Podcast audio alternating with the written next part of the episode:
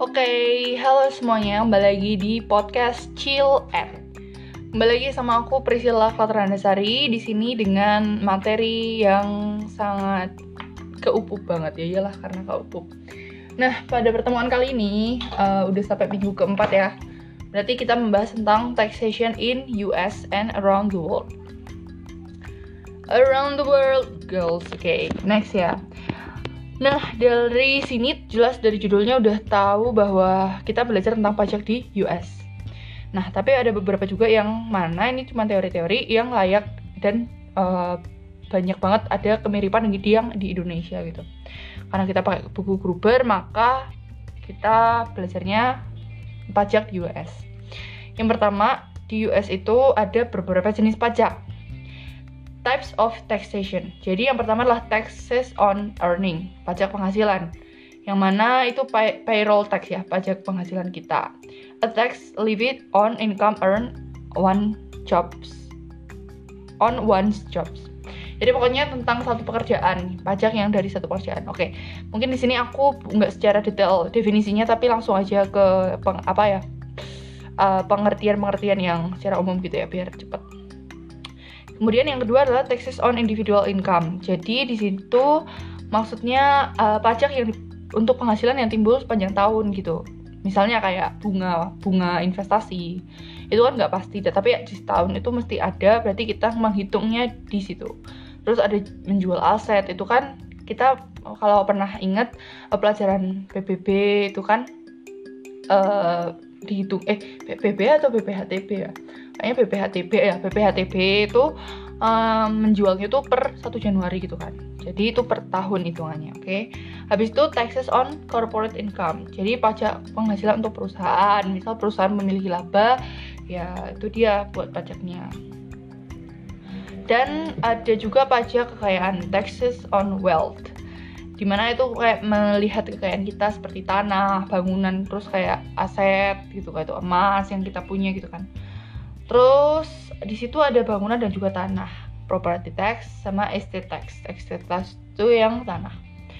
Terus uh, taxes on consumption. Nah, di sini adalah pajak konsumsi per tahunnya ya, di mana ditetapkan uh, di berbagai konsumsi gitu. Nah, uh, konsumsinya bisa berupa penjualan, pajak penjualan ya. Dan juga ada penjualan atas beberapa barang yang khusus, contohnya rokok dan lain-lain. Itu namanya excise exercise taxes. Pajak penjualan namanya sales taxes. Jadi B, cukai itu di sini kategorinya namanya exercise taxes. Nah, dari situ ada sebuah perhitungan pajak ya kan. Kita udah tahu kenal bahwa pajak itu kan di pelajaran pengantar perpajakan dan lain-lain ada pajak terus dikurangi sama iuran-iuran terus dikurangi PTKP gitu kan. Nah, di sini tuh juga ada di US. Namanya yang pajak yang mentah, pajak brutonya itu gross pro, gross income. Hmm, berarti pendapatan kotor ya. Di mana itu hanya seluruh pendapatan individu aja yang belum dikurang-kurangi. Lalu di adjust di adjust dengan AGI adjusted gross income gitu. Jadi disesuaikan. Apa aja yang disesuaikan uh, nanti kita bahas. Lalu menghasilkan setelah di adjust adjust, adjust menghasilkan taxable income atau pajak yang uh, atau uh, pendapatan yang bisa dipajaki gitulah ya. Atau kita sebut PKP ya penghasilan kena pajak. Nah adjustnya adjustmentnya itu berupa apa? Kontribusi Nah pajak yang di adjust itu apa aja yang dikurang-kurangin itu? Yaitu some contribution to retirement saving. Jadi uh, iuran untuk pensiun terus ada uh, former spouse kayak pasangan gitu terus kesehatan uh, one half the payroll tax paid by self-employed, education expense, and interest paid on student loans, contribution to health. Itu ya, pokoknya kita udah kalau di Indonesia ya pasti pajak iuran, terus JKK gitu-gitulah. Nah, udah tahu ya. Nah, habis itu kita selain memiliki adjusted itu, kita memiliki um, yang namanya exemption, exemption exemption itu uh, adalah jumlah pengurangan yang dikurangi dari kayak uh, jumlah keluarga dia sendiri dan juga istrinya Ya, ini mirip banget sama PTKP. Artinya ketika kamu punya kayak kamu punya istri dan punya tiga anak, berarti kan K3. Nah, itu yang mempengaruhi exemption ini. Di mana penetapan exemption ini ada dua cara. Yang pertama kita bisa memilih menggunakan standard deduction atau udah ada fix, udah ada uh, patokannya kayak di Indonesia kan kalau kamu punya istri dengan punya istri eh tidak punya istri misalnya 54 juta nggak sih? Nah itu TK 0 itu 54 juta. Atau berapa ya aku lupa. Terus iya kayaknya aku lupa ya Allah. Terus habis itu um, standar habis itu customize deductions. Artinya kita bisa menentukan sendiri berapa sih bukan menentukan tapi uh, pengurangan itu berdasarkan pada kualifikasi-kualifikasi tertentu gitulah. Jadi nggak nggak selalu fix nggak selalu segitu. Nah deduct deductible expense includes. Jadi yang yang memang yang termasuk dalam pengurangan ini itu apa aja tuh? Yaitu ada medical kayak other taxes paid kayak pajak-pajak lain gitu kan. Terus ya interest paid gitu gitulah intinya seperti itu. Bisa dibaca di PPT kemudian untuk uh, tax rate dan tax paid. Jadi ada dalam pembayaran pajak kita tuh bisa menetapkan tarifnya kan. Dan uh, pembayaran apa namanya? Dan pembayaran pajaknya. Di mana ketika kita membayar pajak itu ada yang namanya tax credit artinya sejumlah uang yang mana kita tuh nggak harus membayar nggak yang akan mengurangi pajak kita gitu di mana di situ akan diletakkan di akhir. Misalnya kamu udah ngitung nih uh, pajak kotor kamu gross income kamu dikurangi adjustednya di, menghasilkan taxable income. Nah, taxable income ini akan dipersenkan pakai tarif pajak sejumlah sekian. Udah, misal 3 juta, kamu punya pajak 300 ribu. Nah, habis 300 ribu itu, kamu memiliki tax credit artinya kamu nggak usah membayar sebanyak 200 ribu. Jadinya kamu hanya membayar 100 ribu doang. Jadi tax credit itu untuk mengurangi pajak kamu tapi di akhir udah sampai tarif udah sampai tinggal bayar doang tapi kamu dikurangi gitu. Nah ada juga istilah withholding. Artinya withholding ini itu uh, pajak yang ditahan. Maksudnya kayak misal kamu PNS terus pajak kamu tuh udah langsung terpotong ke gaji kamu. Jadi apa yang ditransfer ke kamu itu udah sama potongan pajaknya udah udah dipotong pajak lah ya. Nah yang dipotong pajak ini namanya withholding yang udah ditahan. Artinya kita nggak keluar dulu tapi udah langsung ditahan sama pemerintah gitu. Nah ada juga namanya refund. Refund kan pengembalian dana ya. Jadinya kan berarti ketika kita udah me, me, udah pemerintah udah menahan pajak kita atau withholding pajak kita berarti misalnya ada peng, peng perhitungan perhitungan lagi ternyata pajak yang ditahan itu kelebihan. Artinya nanti akan dikembalikan lagi ke hak hak si pembayar pajak ini gitu. Namanya refund. Nah, contohnya bisa dilihat di PPT sendiri. Untuk menghitung apa ya keseimbangan dari pajaknya itu kan ada keseimbangan vertikal dan ada keseimbangan horizontal. Tapi sebelum itu kita harus tahu dulu uh, ada dua tarif pajak nih. Tarif pajak itu menggunakan marginal tax rate dan juga average tax rate marginal itu maksudnya udah hmm, fix hmm. gitu. Misalnya dengan rentang penghasilan kamu 0 sampai 25 juta atau 50 juta per tahun kamu mendapatkan 0%. Kalau 50 juta sampai 200 atau 15 juta eh 200 juta per tahun, kamu mendapatkan pajak eh, tarifnya sebesar 15%. Itu udah pasti. Jadi udah ada range range tersendiri gitu ya. Tapi kalau average tax rate itu berbeda. Jadi ini sangat uh, tergantung sama besaran pajak kamu. Kalau yang tadi kan uh, rentang-rentangan gitu ya. Kalau rentang-rentang pajak itu kan uh, terlihat kurang detail, kurang spesifik. Kalau menggunakan average tax rate itu dihitung berdasarkan masing-masing pendapatan individu. Contohnya, misal uh, aku memiliki penghasilan 125 juta rupiah.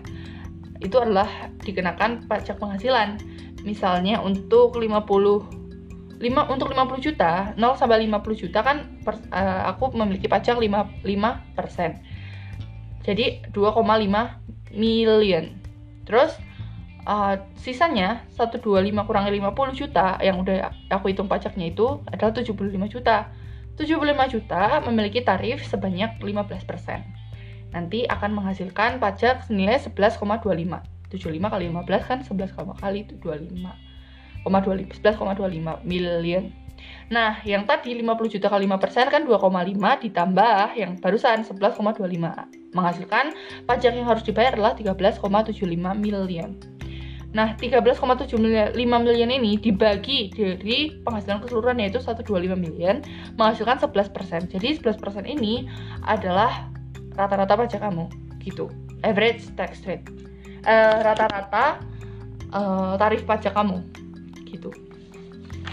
Nah, untuk itu maka uh, udah tahu ya marginal tax rate yang mana udah ada rentang-rentangnya average tax rate yang dihitung per uh, gaji apa per per per per jumlah gaji kamu. Selanjutnya vertical equity dan juga horizontal equity.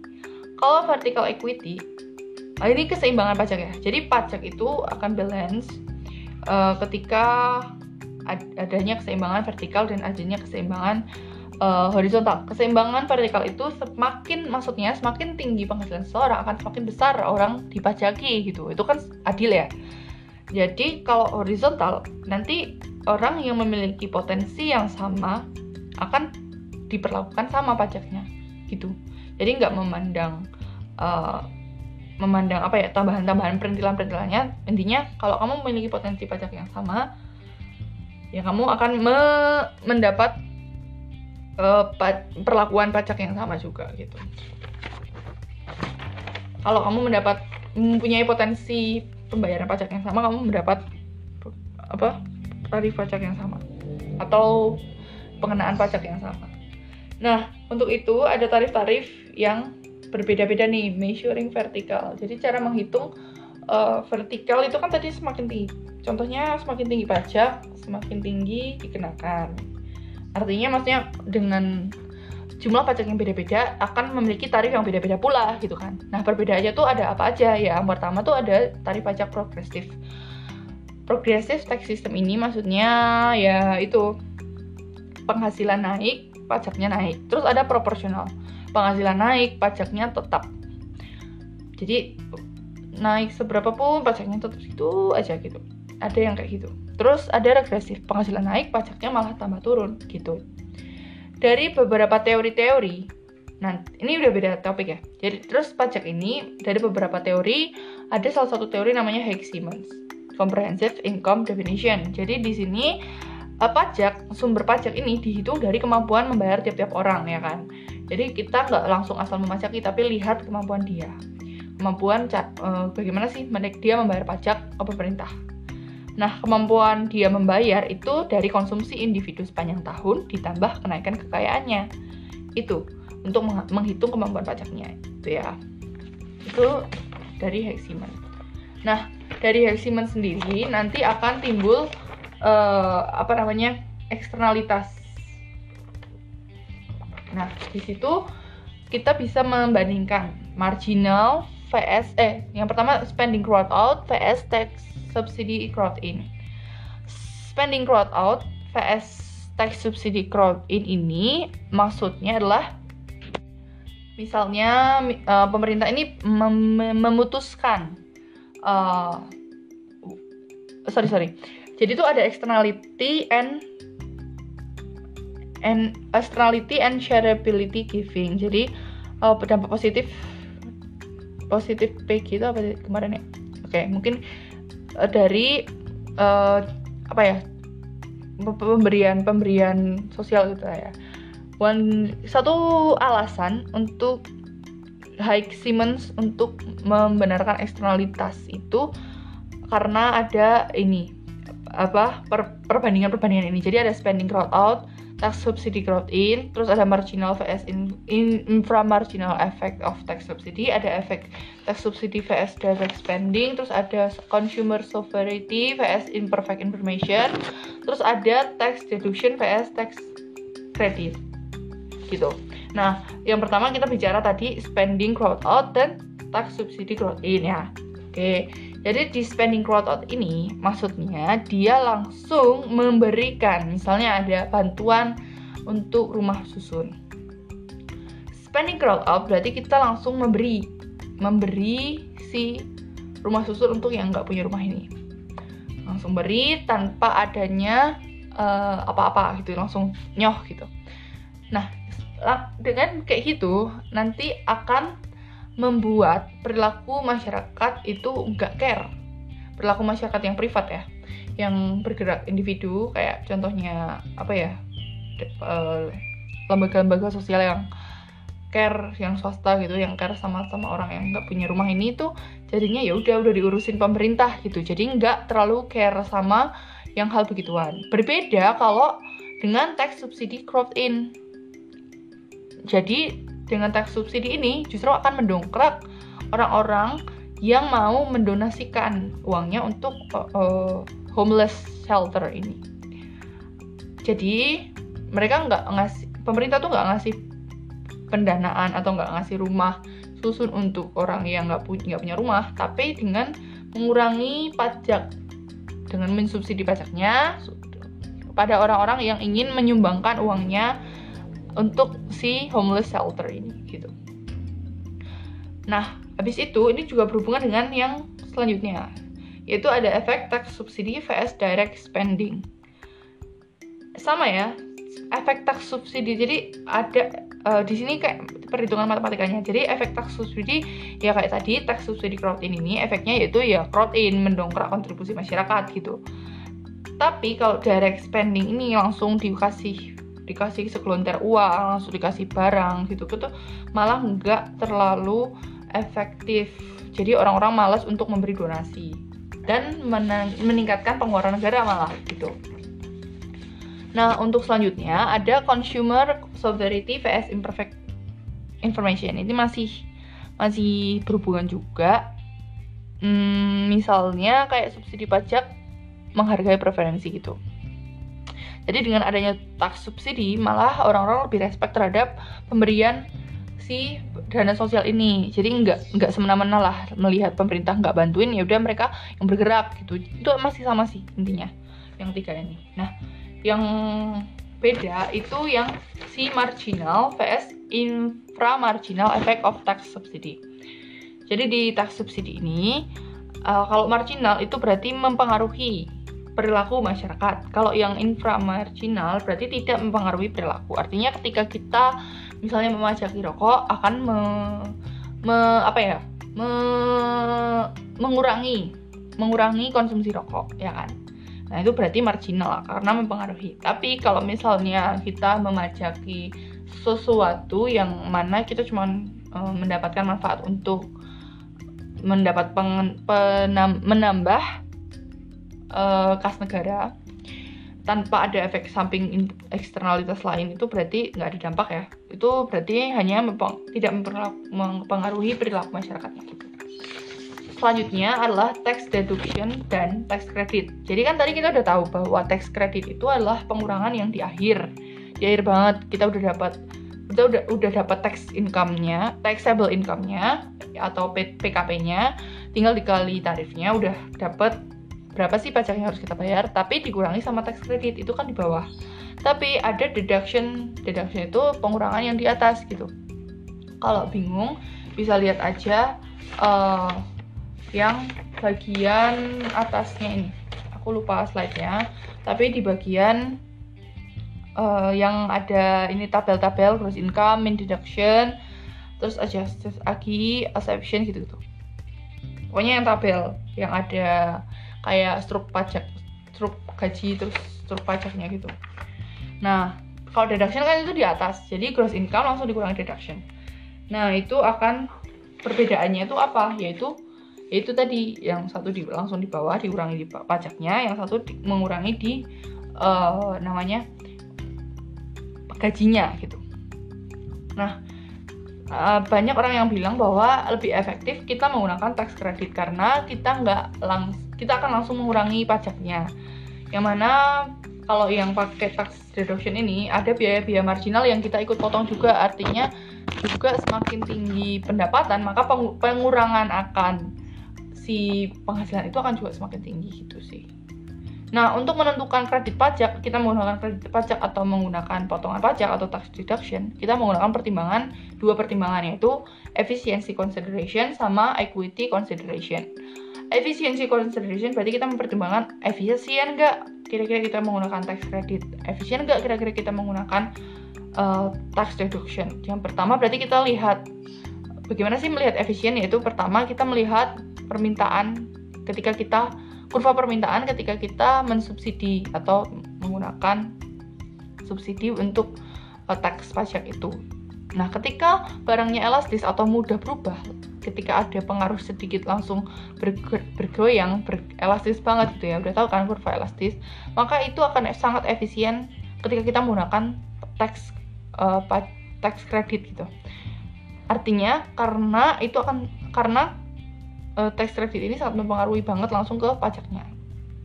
Nah, kita juga selain kita melihat kurva permintaan apakah dia elastis atau enggak.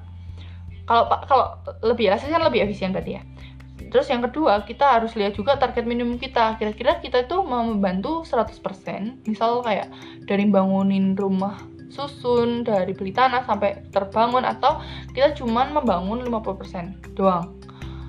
Artinya uh, dengan membangun 100% apakah itu efektif? Dengan membangun 50% doang apakah itu malah sama-sama sama efektifnya dengan kita membangun 100%. Jadi kita harus tahu dampaknya ke depan dan bagaimana cara mengefisienkan tenaga kita gitu.